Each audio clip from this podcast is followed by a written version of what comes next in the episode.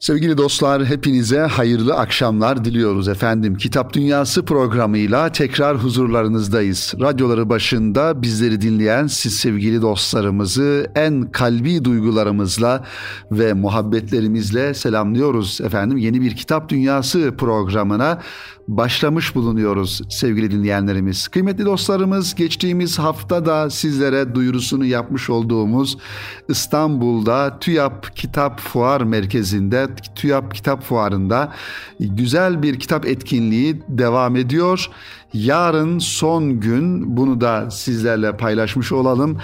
9 günden beri devam eden kitap fuarına gerçekten kitap dostları yoğun ilgi gösterdiler ve göstermeye de devam ediyorlar. Şüphesiz hafta sonu sizlerin de zamanı olacaktır, müsaitlik durumunuz olacaktır ve bugün yarın e, kitap fuarına eğer gitmediysek sevgili dostlar mutlaka kitaplarla buluşmaya ve orada yayın evlerini ziyaret etmeye kitaplar alamasak dahi kitaplarla hemhal olmaya, o atmosferi teneffüs etmeye çocuklarımızla beraber gidelim diye sizlere buradan ifade etmek istiyoruz kıymetli dinleyenlerimiz. Bu sene e, farklı ülkelerden de yayıncılar vardı e, kitap fuarında Hindistan'dan efendim Arap ülkelerinden İran'dan Rusya'dan e, dostlar vardı daha doğrusu yayıncılar vardı onlar da hem e, İstanbul'daki bu güzel kitap etkinliğinin e, içinde bulunmuş oldular hem de kendi açılarından yayın evleriyle görüşmeler sağladılar. Gerçekten bir bütün olarak düşündüğümüzde bu kitap fuarını sevgili dinleyenlerimiz sadece yayıncıların kitap satışı olarak görmemek gerekiyor. Belki o sadece bu faaliyetin bir parçası ancak orada bu tür faaliyetler içerisinde söyleşiler, konferanslar, imza programları, e, telif anlaşmaları, sözleşmeleri karşılıklı yerli ve yabancı yayıncılar açısından önem arz ediyor. Ee, umarız bu tür faaliyetler artarak devam eder. Dijitalleşmenin karşısında bir nebzede olsa e, boyut değiştiren, efendim tarz değiştiren e, kitap okuma şekli ya da kitap alma şekli e, değiştirse de ancak e, yine de kitap adına yapılan bütün faaliyetleri desteklemek gerekir diye düşünüyorum. Çünkü bizim için önemli bir, bizim kültürümüz için, bizim milletimiz için ve bizim gibi düşünen insanlar için okumak her zaman insanı e, geliştirir, insana düşünme e, kabiliyeti kazandırır sevgili dinleyenlerimiz okumaktan uzak kalmak adeta ruhumuzun efendim düşüncelerimizin ölmesi, yok olması demektir. Onun için kitap fuarları ve kitapla ilgili her türlü faaliyete biraz böyle dikkat kesilmek gerektiğini düşünüyorum sevgili dinleyenlerimiz. Kıymetli dostlar bu hafta programımızın ilk kitabı Profesör Doktor Necdet Tosun hocanın yazmış olduğu ve Erkam Akademi'den çıkan hacimli bir eser olacak. Bu kitapla başlamak istiyorum programımıza. 464 sayfadan oluşan güzel bir çalışma. Kitabın ismi Hacegan Yolu. Hoca Bahaddin Nakşibend ve tarikatını inceleyen önemli bir çalışma sevgili dinleyenlerimiz. Tasavvuf alanında e, yazılmış belki kaynak eser olabilecek nitelikte özellikle alanıyla ilgili ve Hoca Bahattin Nakşibend Hazretleri ve onun tarikatıyla ilgili kaynaklarıyla beraber akademik üslupla kaleme alınmış önemli bir çalışma Profesör Doktor Necdet Tosun hocanın kaleminden bu kitap sevgili dinleyenlerimiz Erkam yayınlarının yeni bir markası olan Erkam Akademi'den çıktı kıymetli dinleyenlerimiz.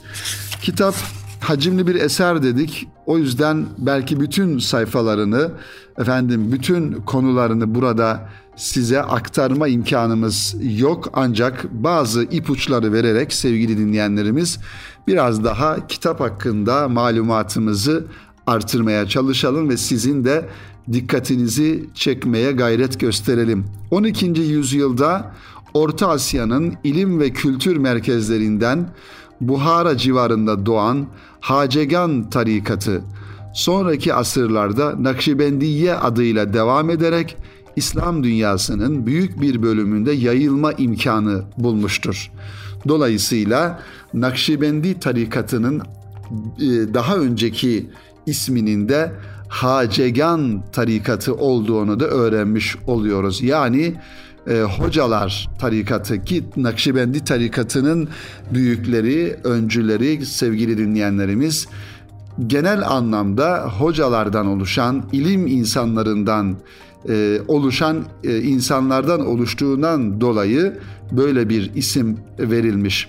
Bu tasavvuf ekolü diğer tarikatlara göre bazı farklılıklar arz etmekteydi. Tarikatların çoğu silsilelerini yani manevi bağlarını, intisap bağlarını Hazreti Ali Efendimiz'e bağlarken Hacegan Hazreti Ebu Bekir Efendimiz'e bağlamıştır. Malumunuz olduğu üzere tarikatlerde bir manevi nispet dediğimiz, manevi bağ dediğimiz e, ve bunun da kavram olarak ifade ediliş şekli altın silsile yani silsiletü zeheb diye ifade edilen Arapça tabirle bir bağdan bahsedilir.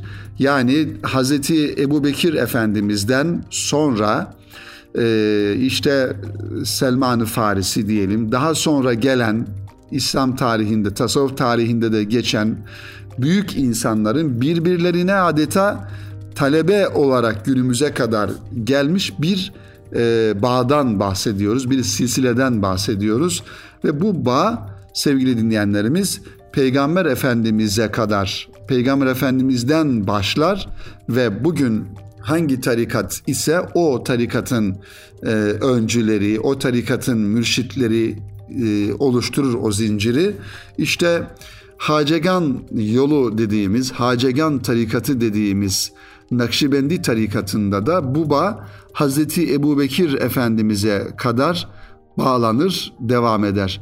Diğer tarikatların çoğu cehri zikir yani açıktan yapılan bir zikir, sema, halvet ve riyazat uygulamalarına olumlu yaklaşırken bu tarikat istisnaları olmakla birlikte çoğunlukla bunları kabul etmemiş ve sufinin toplumun içinde aktif bir birey olarak varlığını sürdürürken erdemli bir insan olabileceğine vurgu yapmıştır. Yani e, halk içinde hakla beraber olabilme e, anlayışı yani tasavvuftaki anlayışlarda diğer tarikatlarda Sufi'nin sevgili dinleyenlerimiz daha münzevi bir hayat, daha kendi başına bir hayat, toplumdan uzak bir hayat yaşaması teşvik ve tavsiye edilirken Nakşibendi tarikatında, Hacegan yolunda e, Sufi'nin toplum içerisinde aktif olarak kalması, varlığını sürdürmesi ama aynı zamanda o erdemli insan olabilme, doğru insan olabilme, e, Müslümanlığını yaşayabilme kabiliyetini de devam ettirmesi ne e, vurgu yapılmıştır. Hacegan tarikatı e, anlayışında. Diğer taraftan Hacegan ve Nakşibendiye Sünni İslam anlayışını tarikatın temel esası olarak almış. Bu sayede batıni ve hurufi akımlardan büyük ölçüde korunabilmiştir. Bu yapısı sebebiyle tarikat tarih boyunca ulemanın ve sünni hükümdarların desteğini de görmüştür. Sevgili dinleyenlerimiz tasavvuf tarihini de aynı zamanda bir şekilde okumak lazım. Ee, sadece tasavvuf dediğimiz e, durum sevgili dinleyenlerimiz gördüğümüz e, bugünkü efendim uygulamalardan ibaret değil. Bunun bir tarihi olduğunu Peygamber Efendimiz sallallahu aleyhi ve sellemin hayatından efendim e, daha sonra e, oradan yansımaların bir manada bir disiplin içerisinde bir takım kuralları da ortaya konularak bir hayat tarzı ortaya konulmuş. Aslında gerçek anlamda e, tasavvufun İslam'dan hiçbir şekilde ayrı olmadığını, İslam'ın kendisi olduğunu ve İslami hayatın daha düzgün, disiplinli ve güzel yaşama biçimi olduğunu da kabul etmek gerekiyor sevgili dinleyenlerimiz. Ee, Türkiye'de Hacegan ve Nakşibendiye üzerine yapılan ilk ilmi çalışma Kasım Kufralı'nın 1949 yılında hazırladığı Nakşibendiliğin Kuruluş ve Yayılışı adlı doktora tezidir. Hacegan döneminden başlayıp Müceddidiye ve Halidiye kollarına uzanan bu eserde ele alınan dönemin genişliğinden dolayı birçok önemli kişi ve konu ihmal edilmiş, ayrıca Türkiye ve Orta Asya kütüphanelerindeki birçok mühim esere ulaşılamamıştır diyor yazarımız Necdet Tosun Hoca. Eksikliklerine rağmen iyi bir tarihçi gözüyle yazılan bu eser kayda değer bir çalışmadır. Hangi eser? Efendim e, Kasım Kufralı'nın Nakşibendiliğin Kuruluşu ve Yayılışı isimli eser. Son yıllarda İrfan Gündüz, Ethem Cebecioğlu, efendim Abdurrahman Memiş, Ahmet Cahit Haksever, Halil İbrahim Şimşek, Tayfun Atay gibi araştırmacılar tarafından Nakşibendiliğin özellikle sonraki dönemleri ya da şahısları ile ilgili bazı çalışmalar yapılmıştır. Ancak tarikata adını veren Bahaddin Nakşibend ve tarikatın ilk dönemleri hakkında kapsamlı ve bilimsel bir araştırmanın bulunmayışı bizi bu eseri hazırlamaya sevk etmiştir diyor yazarımız Necdet Tosun Hoca, kıymetli dinleyenlerimiz. Bu eser sevgili dinleyenler, bu eser 5 bölümden oluşmaktadır. Birinci bölümde 12. asırda Hacegan tarikatının kuruluşu ve önde gelen şeyhleri. İkinci bölümde Bahaddin Nakşibend'in hayatı, düşünceleri ve tarikatın 17. asırda kurulan müceddidiye dönemine kadar olan tarihi. Üçüncü bölümde Anadolu'ya Nakşibendiliğin gelişi ve yayılışı, dördüncü bölümde Hacegan ve Nakşibendiye'de tasavvufi eğitim ve düşünce, beşinci bölümde ise bu tarikat mensuplarının içtimai ve siyasi münasebetleri ele alınmıştır. Özetle kitabın muhtevasını e, ifade edecek olursak. İslam dünyasının birçok bölgesine yayılmış olan Nakşibendiliğin bütün tarihinin tek bir çalışmada e, toplamak zor olacağı için sevgili dostlar bu eserde sadece 17. yüzyıla kadar yani İmam-ı Rabbani öncesi Nakşibendilik ele alınmıştır. Bu eserden sonra İmam-ı Rabbani e, inşallah hocamızın ifadesiyle İmam-ı Rabbani Ahmet Sirhindi ismiyle e, bir eserde yine Erkam yayınlarından çıkacak ki bir manada aslında bu e, Nakşibendi tarikatının tarihini anlatma açısından da önemli bir e, çalışma olacaktır sevgili dinleyenlerimiz. Bu kitapta konular işlenirken asli kaynaklara müracaatla en doğru ve yeni bilgiler ortaya çıkarılmaya çalışılmış. Önde gelen şahısların hayatı, eserleri ve tasavvufi görüşleri hakkında bilgi verilmiş. Tarikatın usul ve adabının yanı sıra mistik ve sosyal yönleri de ele alınmıştır. Ayrıca zamanla tarikatın tasavvufi eğitim usullerinde ve düşünce yapısında meydana gelen değişim ve gelişimlere de işaret edilmiştir.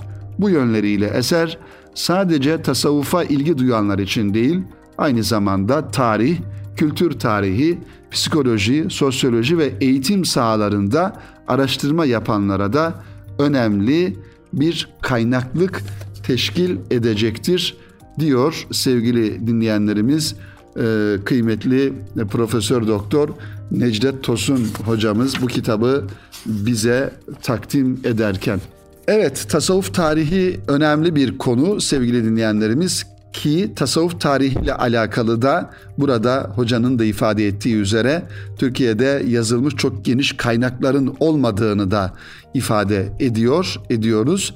Onun için şöyle Nakşibendi tarikatının e, nereden e, ve nasıl neşet ettiğini, nasıl yayıldığını, efendim tarihi olarak nerelerde e, varlık gösterdiğini bir yönüyle bunu, bir diğer yönüyle de sevgili dinleyenlerimiz e, bu tarikatın disiplinini, anlayışını, efendim e, uygulamalarının ne olduğunu e, öğrenmek adına müntesiplerinin e, ve öncü insanlarının kimler olduğunu bilmek ve anlamak adına gerçekten e, tam teşekküllü ve kapsamlı bir eser olduğunu da ifade edelim.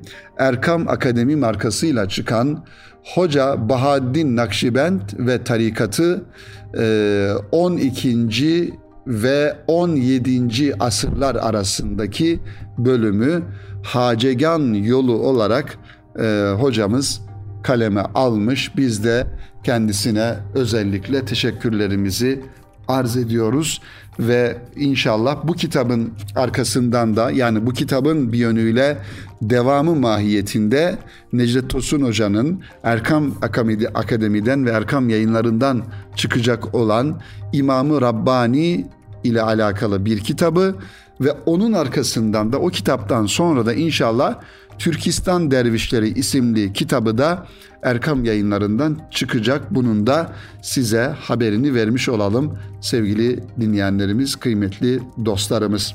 Efendim bu kitabı da e, takdim ettikten sonra şimdi kısa bir araya gidelim.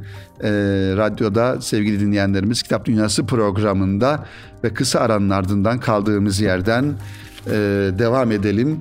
Neyle devam edeceğiz onun da anonsunu yapalım. Aradan sonra sevgili dostlarımızla tekrar burada buluşalım. Okumayı kolaylaştıran 10 e, öneri isimli bir konuyu bir yazıdan hareketle sevgili dostlar bazı tavsiyeler olacak ve bazı kitap tavsiyeleri olacak. Okumayı kolaylaştıran 10 tane temel prensibi de sizlerle programımızın ikinci bölümünde paylaşmaya devam edeceğiz efendim. Şimdi kısa bir araya gidiyoruz. Evet sevgili dostlar tekrar birlikteyiz. Kısa bir aranın ardından Erkam Radyo'da radyolarını yeni açan sevgili dinleyenlerimizi tekrar muhabbetle selamlıyoruz efendim. Okumayı kolaylaştıran 10 tane öneri sevgili dinleyenlerimiz. Bugün tabii ki kitap okuma meselesi üzerinde uzun uzun konuşulacak. Belki birçok boyutuyla efendim tartışılabilecek. Herkesin daha doğrusu kendine ait bir takım alışkanlıklarının, bir takım e, çözümlerinin olduğu bir mevzu. Her insan için kitap okuma tarzı, şekli aynı olmayabilir. İnsandan insana ihtiyaçlar değiştiği gibi insandan insana da aynı şekilde alışkanlıklar değişebilir. O yüzden belki ortalama bir e, öneri olması açısından kitap okumayı kolaylaştıran 10 öneriyi bu şekilde anlamak lazım.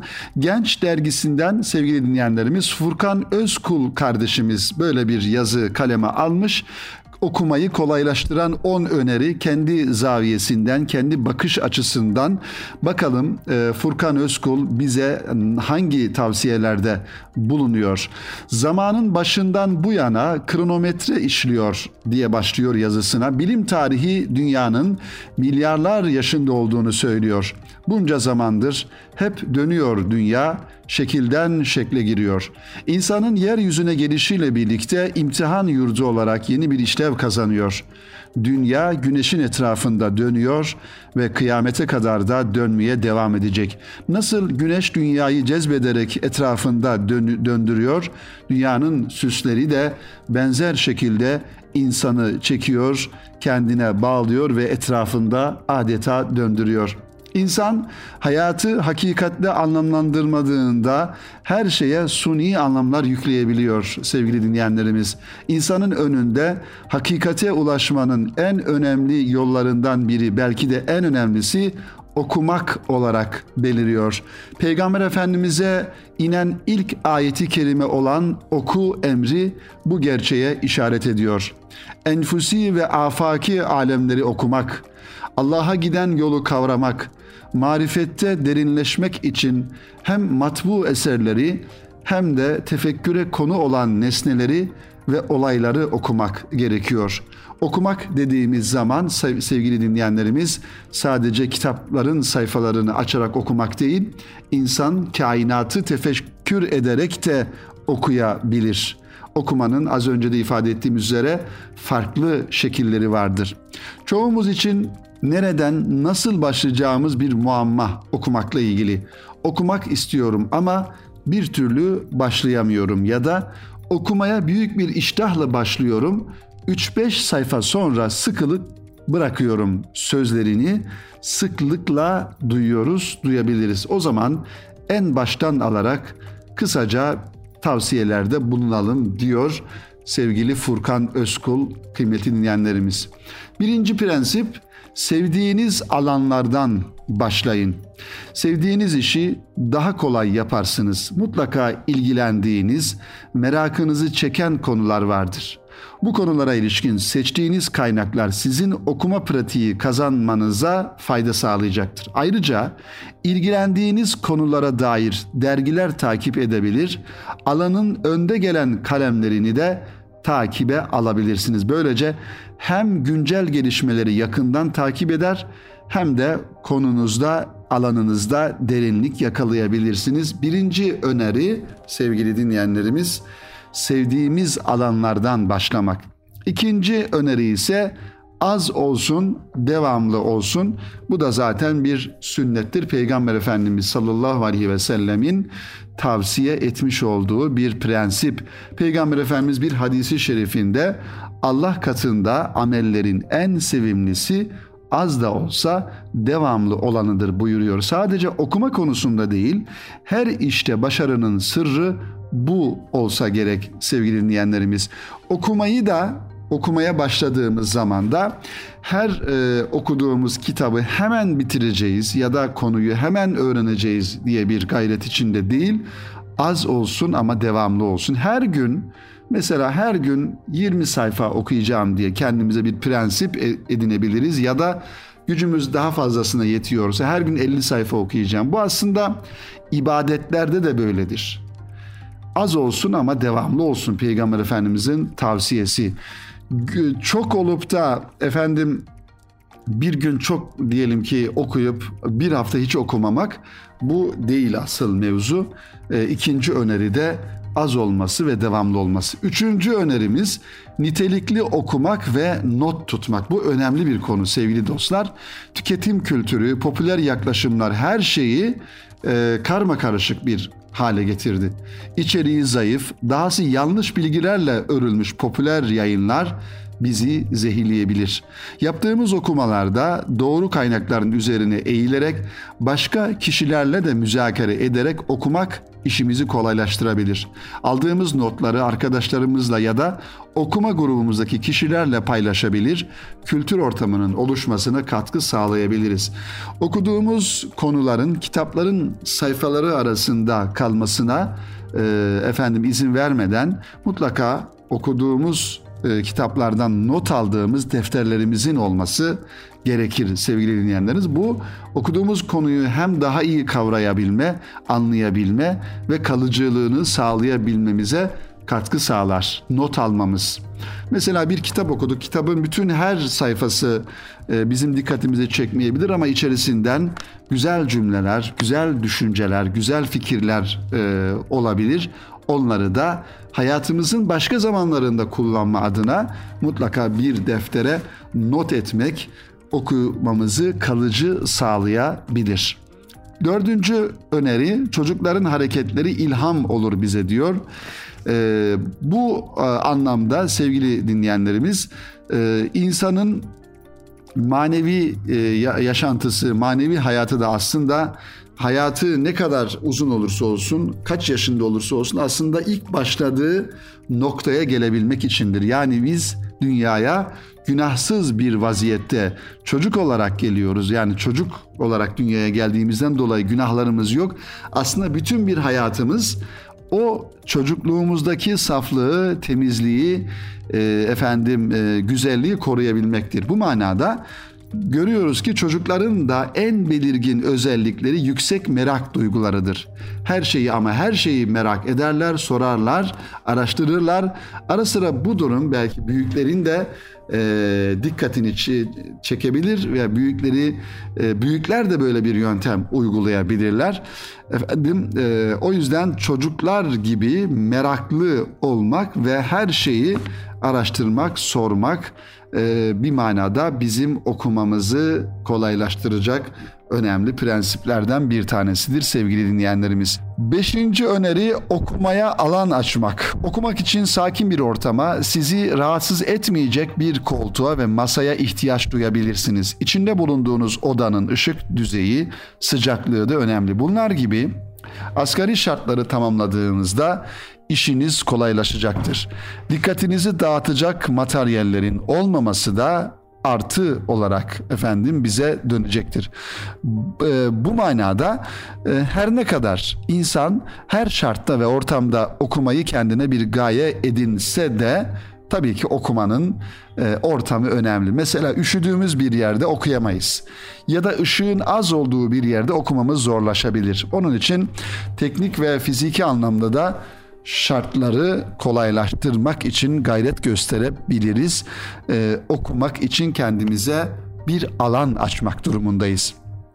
Altıncı e, öneri sevgili dostlar okuma kendini besleyen bir eylemdir. İnsanın okuması kendisini besleyen bir eylemdir. Okuma alışkanlığı kazanmanın ilk şartı evet okumaktır. Başka başka bir şartı yoktur. Bu söz bu sözden maksadımız okumanın kendini besleyen bir tarafının olmasıdır. Biz okudukça okumayı sevecek, sevdikçe daha fazla okuyacağız. Evet, e, sevgili dinleyenlerimiz, e, bu anlamda insan aslında beslendiği noktanın okuması olduğunu e, bilmesi lazım okumaktan sıkılıyorum nasıl başlayacağım okumaya dediğimizde zaten biz bir manada yenik durumda olaya başlamış oluyoruz. İnatla ve sabırla mutlaka e, okumakta ısrarcı olmak durumundayız. Ve tabii ki yedinci maddemiz elde ettiğimiz birikimler bize özgüven kazandıracak. Okuduğumuzda e, okuyan bir insan olarak analizlerimiz, sentezlerimiz, değerlendirmelerimiz, bakış açılarımız, olayları yorumlayışımız şüphesiz ki farklı olacak, farklı şekilde ortaya çıkacak. Bu da bize ayrı bir özgüven e, efendim vermiş olacak. O yüzden e, bu birikimler insana mutluluk verir. İnsanın bilmiş olması, bir konuyu değerlendirebiliyor olması veya bir konu hakkında fikir beyan edebilecek konumda, durumda, düşünce e, durumunda olması da bir manada insana okuduğunun faydasını göstermesi açısından bir değer katacaktır. Ve tabii ki Uzun bir okumanın sonucunda sevgili dinleyenlerimiz e, insanın gelebileceği noktalardan bir tanesi. Belki bu herkes için geçerli olmayabilir zira yazmak kabiliyet isteyen bir özelliktir. Ancak her okuyan insanın e, mutlaka yazmayı da denemesi e, gerekir. Yazmak okuma fiilimizin kardeşidir aynı zamanda. Henüz düzenli okuma alışkanlığımız yoksa ya da okumaya yeni başladıysak e, o zaman e, bir manada yazmayı da denememiz e, gerekiyor ve yazmak hem e, düşüncelerimizin ifade kalitesini artıracaktır ve kendimizi de bir manada görmüş olacağız. E, seviyemizi e, efendim ifade kalitemizi de görmüş olacağız. Mutlaka e, belli bir okuma düzeyinden sonra okuduklarımızdan farklı ve bağımsız bir şekilde bir düşünce ifade etme anlamında kendi özgün düşüncemizin ne olduğunu görebilme noktasında yazmayı, yazı yazmayı denememiz gerekir diye düşünüyorum sevgili dostlar. Ve dokuzuncu öneri bugüne kadar pek okumadım bundan sonra ne kaybedebilirim diye düşünebilir insan veya zaten işlerim çok e, işlerim çok okumayı gerektirmiyor e, diyebiliriz. Bu düşünce bizi yeni dünyalardan, sayfaların arasında e, tanışacağımız yeni kişilerden mahrum bırakacaktır. Her kitap bir alem ve biz de o dünyanın içinde bir gezginiz. Böyle bakmak lazım. Okumakla yeni dünyalar keşfedeceğimiz gibi yeni düşünceler, yeni insanlar, yeni bakış açıları keşfedebiliriz. Onun için okumayı da aynı zamanda bir zihinsel e, sey, e, efendim seyahat olarak, zihinsel bir gezi olarak, bir seyahat olarak görmek lazım. Düzenli okumak e, efendim strese iyi gelir diyoruz. İnsanların en fazla muzdarip oldukları husus bugün yaşadığımız dünyada stresli bir dünyada yaşadıkları ve stresli bir ortamda oldukları maalesef. Ve stres birçok ruhi ve fiziksel hastalığın temelini de teşkil ediyor. Dışarıdan eve geldiğiniz ve bir süre dinlendikten sonra az da olsa okumak içinde bedeninize yüklediğiniz strese iyi gelecektir. Okurken kısık sesle dinlendirici bir müzikte ayrıca tercih edilebilir. Evet, ee, insanlardan usandım diyor Cemil Meriç. Merhum kitaplara sığındım sevgili dinleyenlerimiz. Ee, evet insanlardan usanmayalım. insanlardan usanacak noktaya da gelmeyelim. Zira biz de bir insanız. Eğer insanlardan usandığımız noktaya geliyorsak mutlaka bizden de birileri usanabilir demektir. Onun için insanlarla beraber olmayı, insanlarla güzel efendim sosyal ilişkiler kurabilmeyi ve insanlardan beslenmeyi, doğru insanlardan ancak doğru insanlardan beslenmeyi bir e, efendim hayat prensibi haline getirmek lazım. Zira insan insana şifadır diyor bir yazar aynı zamanda. Onun için insanlardan kaçmadan, insanlardan usanmadan ve insanlardan bıkmadan, insanlara rağmen insanlarla birlikte olmak ama zaman zaman da kitapları kendimize bir sığınak olarak görmek ve orada yeniden dirilmek, yeniden hayata tutunmak ve yeniden hayatı sevmek için, insanları sevmek için bir sığınak olarak görmek lazım kitapları sevgili dinleyenlerimiz. Umarız bunu tercih ederiz ve e, hayat yoldaşımız hayatımızın sonuna kadar mutlaka hayatımızın en güzel noktasında kitaplar olmalı diye düşünüyorum. Ve tabii ki o kitapların başında da kitapların şahı, kitapların piri, kitapların anası ve bütün kitapların kendisini daha iyi anlayabilmek için yazılan yegane kitap olan Kur'an-ı Kerim bizim hayatımızın en önemli noktasında. Hem okuyabileceğimiz bir kitap olması hasebiyle hem de onu anlayıp yaşayabileceğimiz bir hayat düsturu olması hasebiyle en özel noktada olması lazım. Sevgili dinleyenlerimiz, kıymetli dostlarımız, okumayı kolaylaştıran 10 öneri. Okuma alışkanlığı kazanmamıza yardımcı olacak 5 kitabı tavsiye ediyor Furkan Özkul kardeşimiz. Bunları da zikredelim ve programımızı da yavaş yavaş sonlandıralım. Mustafa Kutlu mesela önemli bir e, yazar ve kitapları da çok güzel. Ben Mustafa Kutlu'nun bütün kitaplarını sizlere tavsiye ediyorum. Burada sadece Mavi Kuş isimli kitabına yer verilmiş. Ama Mustafa Kutlu'nun yaklaşık 30 civarında hikaye kitapları var.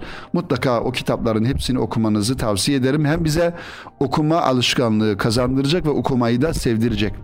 Yine Cahit Zarifoğlu rahmetlinin İşaret Çocukları isimli kitabı ve Paul Colhoun'un Işığın Savaşçısının El Kitabı isimli kitabı, Stefan Zweig'in Satranç isimli kitabı ve Halil Cibran'ın Aforizmalar isimli kitabı da burada okumayı size sevdirecek kitaplardandır diye düşünüyorum. Kıymetli dinleyenlerimiz, sevgili kitap dostları. Efendim TÜYAP Kitap Fuarı'nın yarın son günü. Bugün cumartesi. Ee, gidemeyen dostlarımız varsa yarın son gününde biraz kalabalık olacak ama olsun. Kitaplarla buluşmaya değer. Mutlaka kitap fuarına uğrayalım ve kitaplarla orada hemhal olalım sevgili dinleyenlerimiz. Kitaplarla yakından buluşalım, görüşelim. Ee, inşallah bunu da size ifade etmiş olalım sevgili dinleyenlerimiz. Önümüzdeki hafta tekrar aynı gün ve saatte buluşmayı ümit ediyoruz. Hepinizi Rabbimize emanet ediyoruz efendim. Hoşça kalın. Allah'a emanet olunuz.